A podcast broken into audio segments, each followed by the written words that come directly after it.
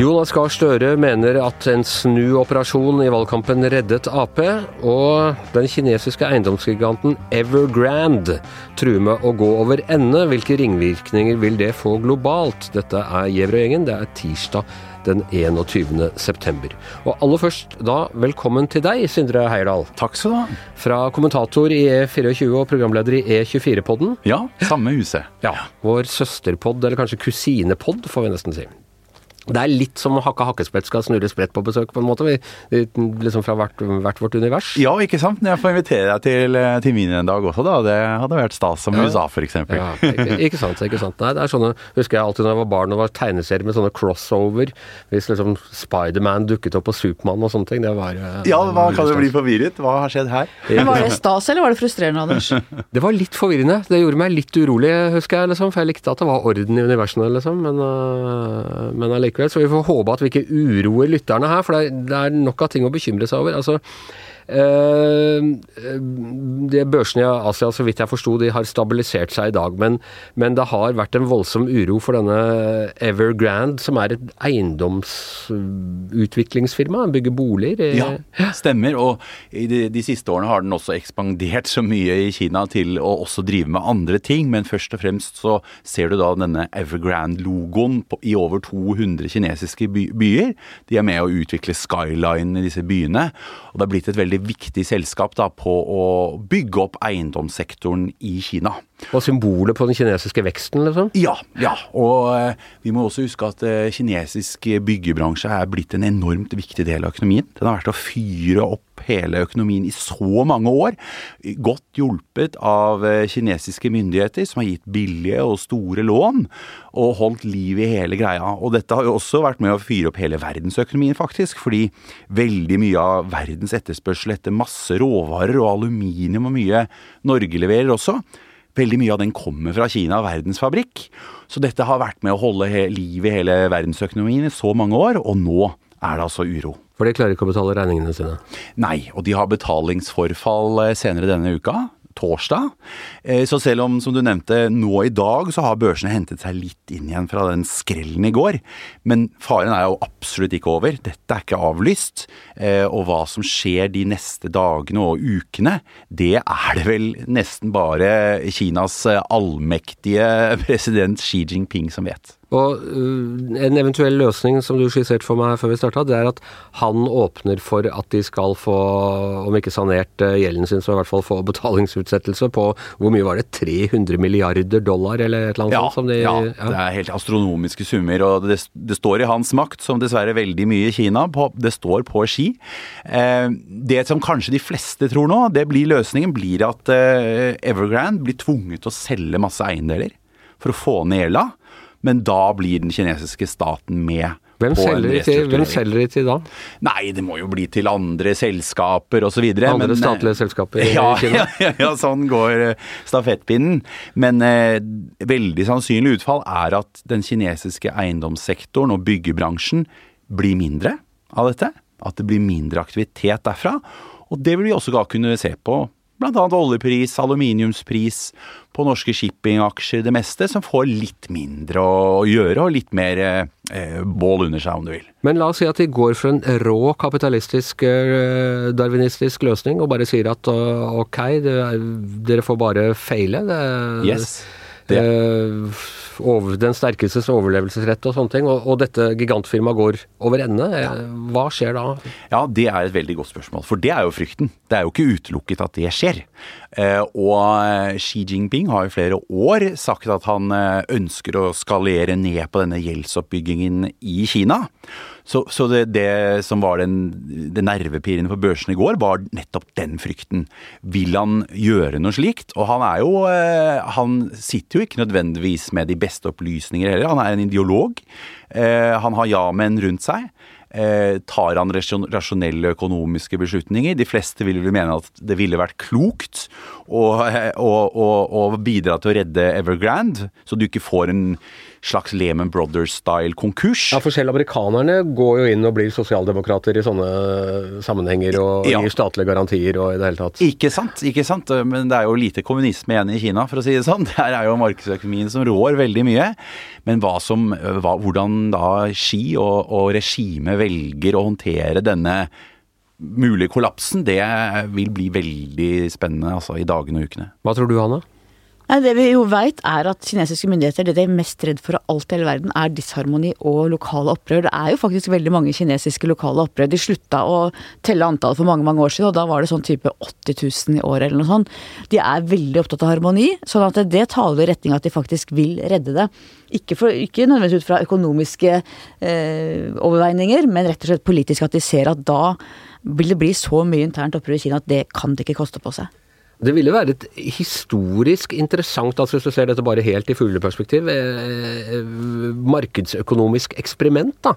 Å la en sånn Det har vel ikke skjedd noe lignende at en så finansgigant så det der faktisk går over ende om man bare lar det dø? Nei, ikke sant. Altså Lehman Brothers var jo da et, et tilfelle da, ikke sant, i, i 2008 i USA. Eh, det viste seg jo vel senere at eh, det ikke var vellykket, og, og, og de som var for å la Lehman Brothers gå over ende, de var ikke det noen måneder etterpå.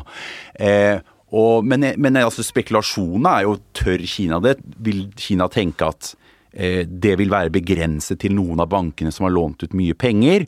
Eh, og vil de da kanskje gå inn og prøve å nettopp få den harmonien Hanne snakker om, ved å kanskje hjelpe de boligeierne som er en del av Evergrande direkte isteden. Men alt dette her er så mye usikkerhet rundt at at nervøsiteten da er enorm eh, nå. Og i verste fall så, så spiller jo dette enda mer over i det globale kredittmarkedet, som henger sammen med, med Kina via omveier. Og, og da kan jo, ikke sant, da kan vi virkelig få kjenne det. Kjenner du i magen at, det, at vi står overfor en mulig ny global depresjon? Hvis dette ryker? Ja, ja, det kan vi, men jeg, jeg, tror nok i det lengste at det vil gå nå. Og så tror jeg litt av bakgrunnen her er også at verdens børser er jo veldig dyre. Nesten aldri i verdenshistorien har de vært dyrere. Hva vil det si at en børs er dyr? Det vil si at aksjene er veldig høyt priset. Ikke sant? I forhold til hva de tjener av penger hvert år, f.eks., så er de veldig høyt priset nå. Og da er det jo mange investorer som er nervøse. De leter etter hva er den svarte svanen, hva er det som nå skal utløse en børskrasj. Og da kan dette være en av de tingene, og det bidrar til at det er så urolig nå. Jeg tror kanskje at det ordner seg relativt greit i første omgang denne uken. Men det er veldig vanskelig å spå, og på et eller annet tidspunkt skal vi jo få børser som faller veldig kraftig. En korreksjon, som det heter? Korreksjon eller krakk. Det skjer med ujevne mellomrom. Det er gitt. Altså, På, på 80-tallet eh, så hadde jo denne tiger, japanske tigerøkonomien. hvor, eh, og da hadde det husker jeg Første gang jeg hørte om Donald Trump, da var jeg i USA i 1988. eh, og Det var snakk om at eh, japanerne kjøpte seg opp på Manhattan, og de kjøpte skyskrapere og banker og jeg vet ikke hva. Eh, og forretningsmannen Donald Trump var svært bekymret og mente at snart måtte vi lære å snakke japansk alle sammen. Og Vi hadde en sånn proteksjonistisk eh, idé. Så krasja jo denne tigerøkonomien. eh, omtrent på den tida, og så var det ikke noe mer mm, snakk om det. Kan det også skje med denne her kinesiske økonomien som eh, eh, at den rett og slett går på trynet? Ja, det skal vi jo ikke utelukke. En Kjempe på leirføtter. Ja, ikke sant? En kjempe på leirføtter, og mye, mye større enn Japan. ikke sant? Japan noen gang var, med 1,4 milliarder mennesker. Og eh, altså Projeksjoner på at de skal overgå USAs økonomi om få år. Men vi skal jo ikke ta for mye for gitt. Og det, selvfølgelig så har jo kollapsen til eh, diktaturet eller regimet i Kina har jo vært spådd i mange år. Man har forventet at med en økende middelklasse så ville det bli mer demokrati, og, og, og, men, men, det har jo ikke skjedd ennå. Og vi vet jo virkelig ikke hva som er eh, ja, breaking point, da. Men, eh, men, vi skal ikke ta for gitt at eh, Kina fortsetter ufortrødent videre. De er jo også i en vanskelig omstillingsfase nå med teknologiselskaper som også blir slått hardt ned på regimet i Beijing.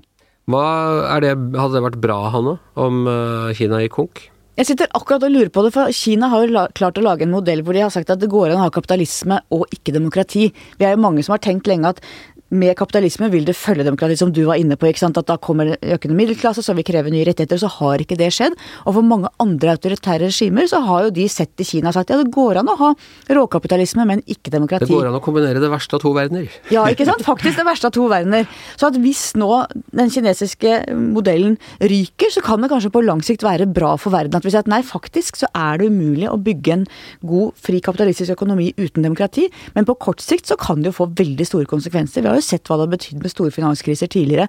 Hvordan det er de nederst som lider mest, som betaler mest. At det er store dramatiske konsekvenser i milliarder av menneskers liv. Ja, og siden sist man hadde et globalt eller et sånt digert krakk, så har verden blitt enda mer global, og, og, økonomiene henger enda mer sammen. Så det er ikke noe som de bare ville kjenne i, i, Kina i så fall? Nei, definitivt ikke. sant. Det vil spre seg til alle verdens land. Og det er klart at Norge, som en liten, åpen økonomi med mye shippingselskaper, mye råvareselskaper, som Equinor eller altså aluminium som Hydro, vi vil jo merke det mye. Det, det, er jo ingen tvil om. Eh, og eh, vi ser jo hvordan 00-tallet og 10-tallet handlet jo mye om at eh, takket være mye økt kinesisk etterspørsel, så fikk vi solgt oljen vår dyr, og så fikk vi importert billige varer tilbake.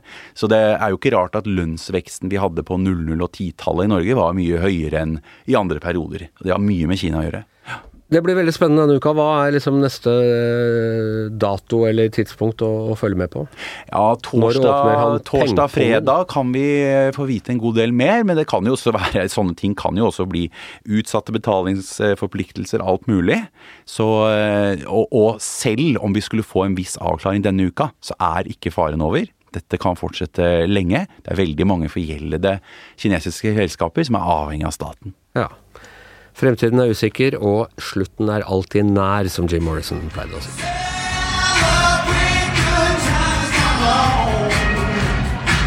Ok, Celebrate Oh Yeah Come On spilte de på uh, Arbeiderpartiets uh, landsstyremøte i dag, Hanne, der hvor du var. Der var det ordentlig partystemning. Ja, det er jo alltid litt sånn rart når sånne partifolk reiser seg opp og prøver å jazze og klappe, og noen er veldig gode på det, andre ser du strever litt mer med å finne På en tirsdag formiddag. På en tirsdag formiddag, så eh, men ja, var, de er veldig veldig glad i Arbeiderpartiet, og de føler at de har vunnet valget. Selv om de gjorde det jo dårligere enn de gjorde sist, men de er veldig fornøyd og ser for seg at nå blir Jonas Gahr Støre statsminister. Det blir han jo. Ja, fordi eh, det skjedde vi, du og jeg er litt uenige om hvor viktig akkurat det var, men de har gått fra samtaler til sonderinger i regjeringsforberedelsene. Det er veldig viktig, Anders. Ja, det, det, den er den nye månelandinga. Eh, Nei, men det er et skritt videre på veien. Det er et skritt videre, og, og som du også sa, skal jeg hjelpe deg med argumentasjonen mot meg. og Det er jo at, at Senterpartiet har åpnet for at de altså, kan da i hvert fall ha eh, regjeringsforhandlinger med, med SV. Sonderinger. Sonderinger, Unnskyld, sonderinger. Ja. Ikke forhandlinger. Nei, nei, nei, nei. Og der er jo saken den at Arbeiderpartiet syns det har gått veldig lang tid for Senterpartiet å finne ut av dette. Senterpartiet opplever at Arbeiderpartiet ikke anerkjenner, ikke ser dem, ikke ser hvor komplisert det er for Senterpartiet når de har lovet langt på vei, i hvert fall at det skal være en Arbeiderparti-Senterparti-basert regjering, at de må jobbe med det de kaller sitt eget bakland, sitt eget parti, for å foreta en snuoperasjon hvor de også jobber for SV. Så at det, det er litt ulike virkelighetsoppfatninger på om dette har gått fort eller sakte. Ja. Eh, og uh, hva var det Jonas Gahr Støre sa? Altså han skulle fortsette kampen, eller hva det var for noe, med varme og optimisme? De skulle snakke på en ny måte med varme og optimisme. Ja.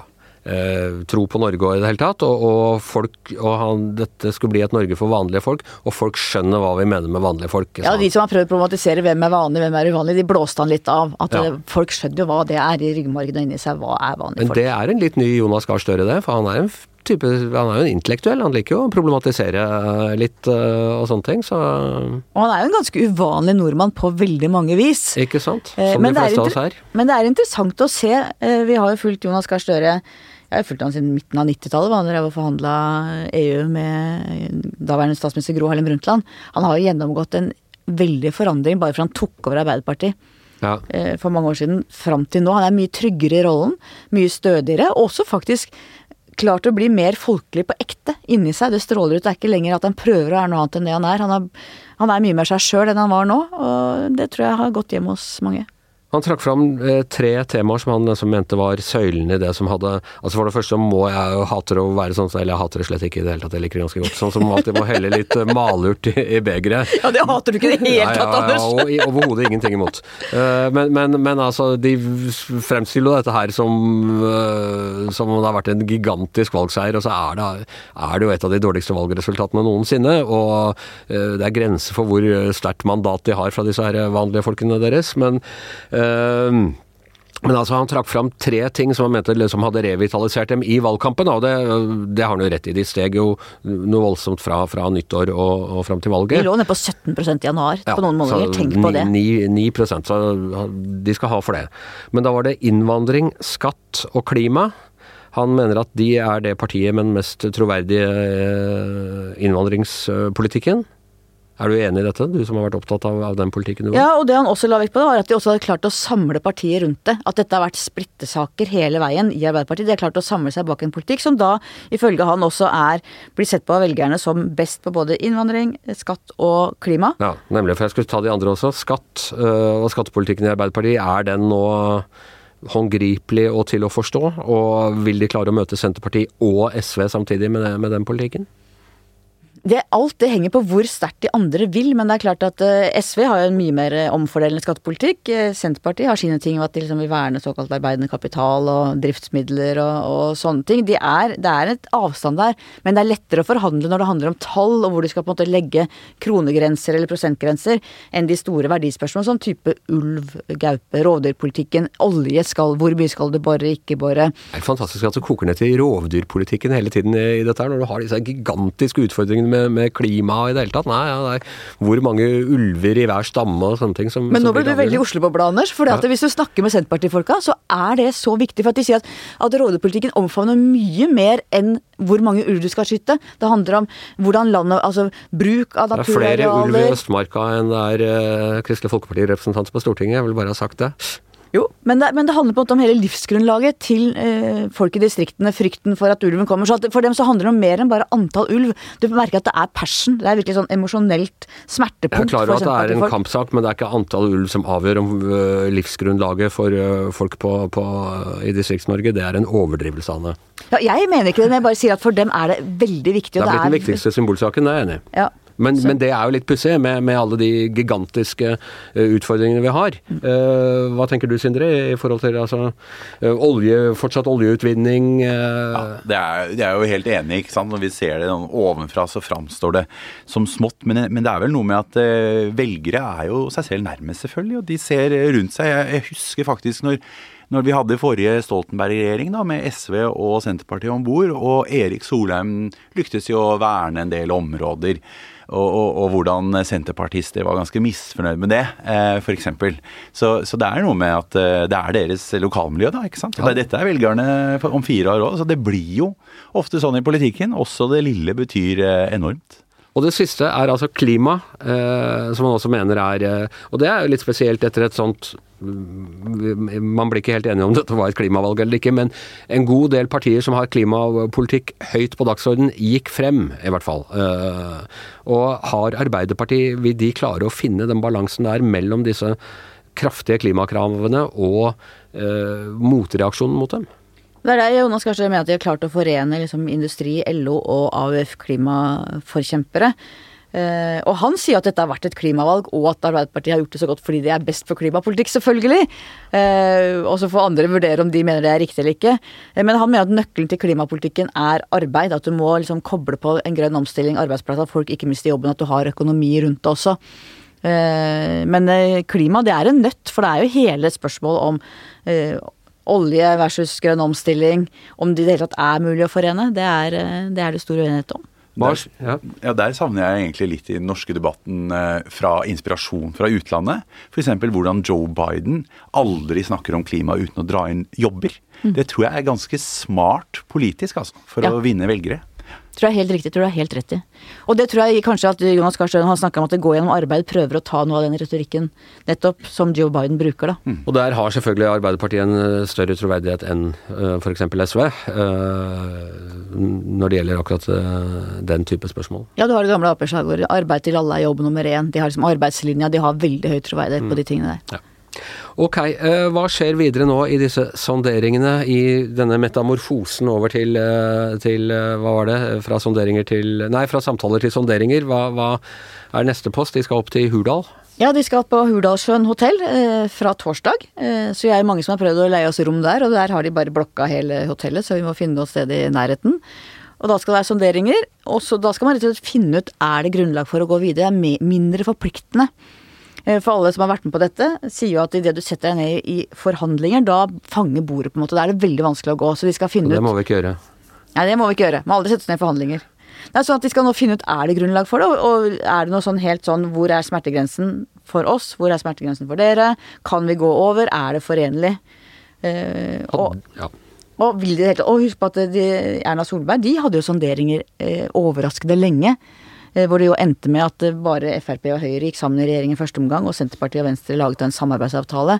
Så det er ikke gitt at man går ut av sonderingene og ender med at man skal sitte og forhandle og bli en flertallsregjering med de tre Og hvor lang tid tok det i Sverige? Det var jo Ca. 100 år? Ja, månedsvis i hvert fall, så, så det blir spennende å se. Men vi lurte litt på om vi skulle dra ut med podkasten vår til Hurdal eh, og, og lage pod der ute. Ja, vi sjekka på Ruter hvordan vi kan komme oss ut der, Anders. Ikke sant? Uh, Hurdal buss, da? Eller? er Tog til Eidsvoll og så buss derfra. Ja. Ja, nei, eh, så, så eh, følg med på offentlig kommunika kommunikasjon i, i eh, dagene som kommer, så får du se hele Giæver og gjengen på tur. Vi er ferdige for i dag. Tusen takk til Sindre Heyerdahl, tusen takk til Hanne Skartvedt.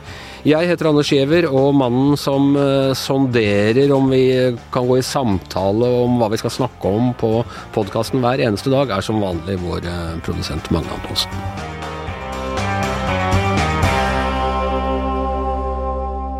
Du har hørt en podkast fra VG.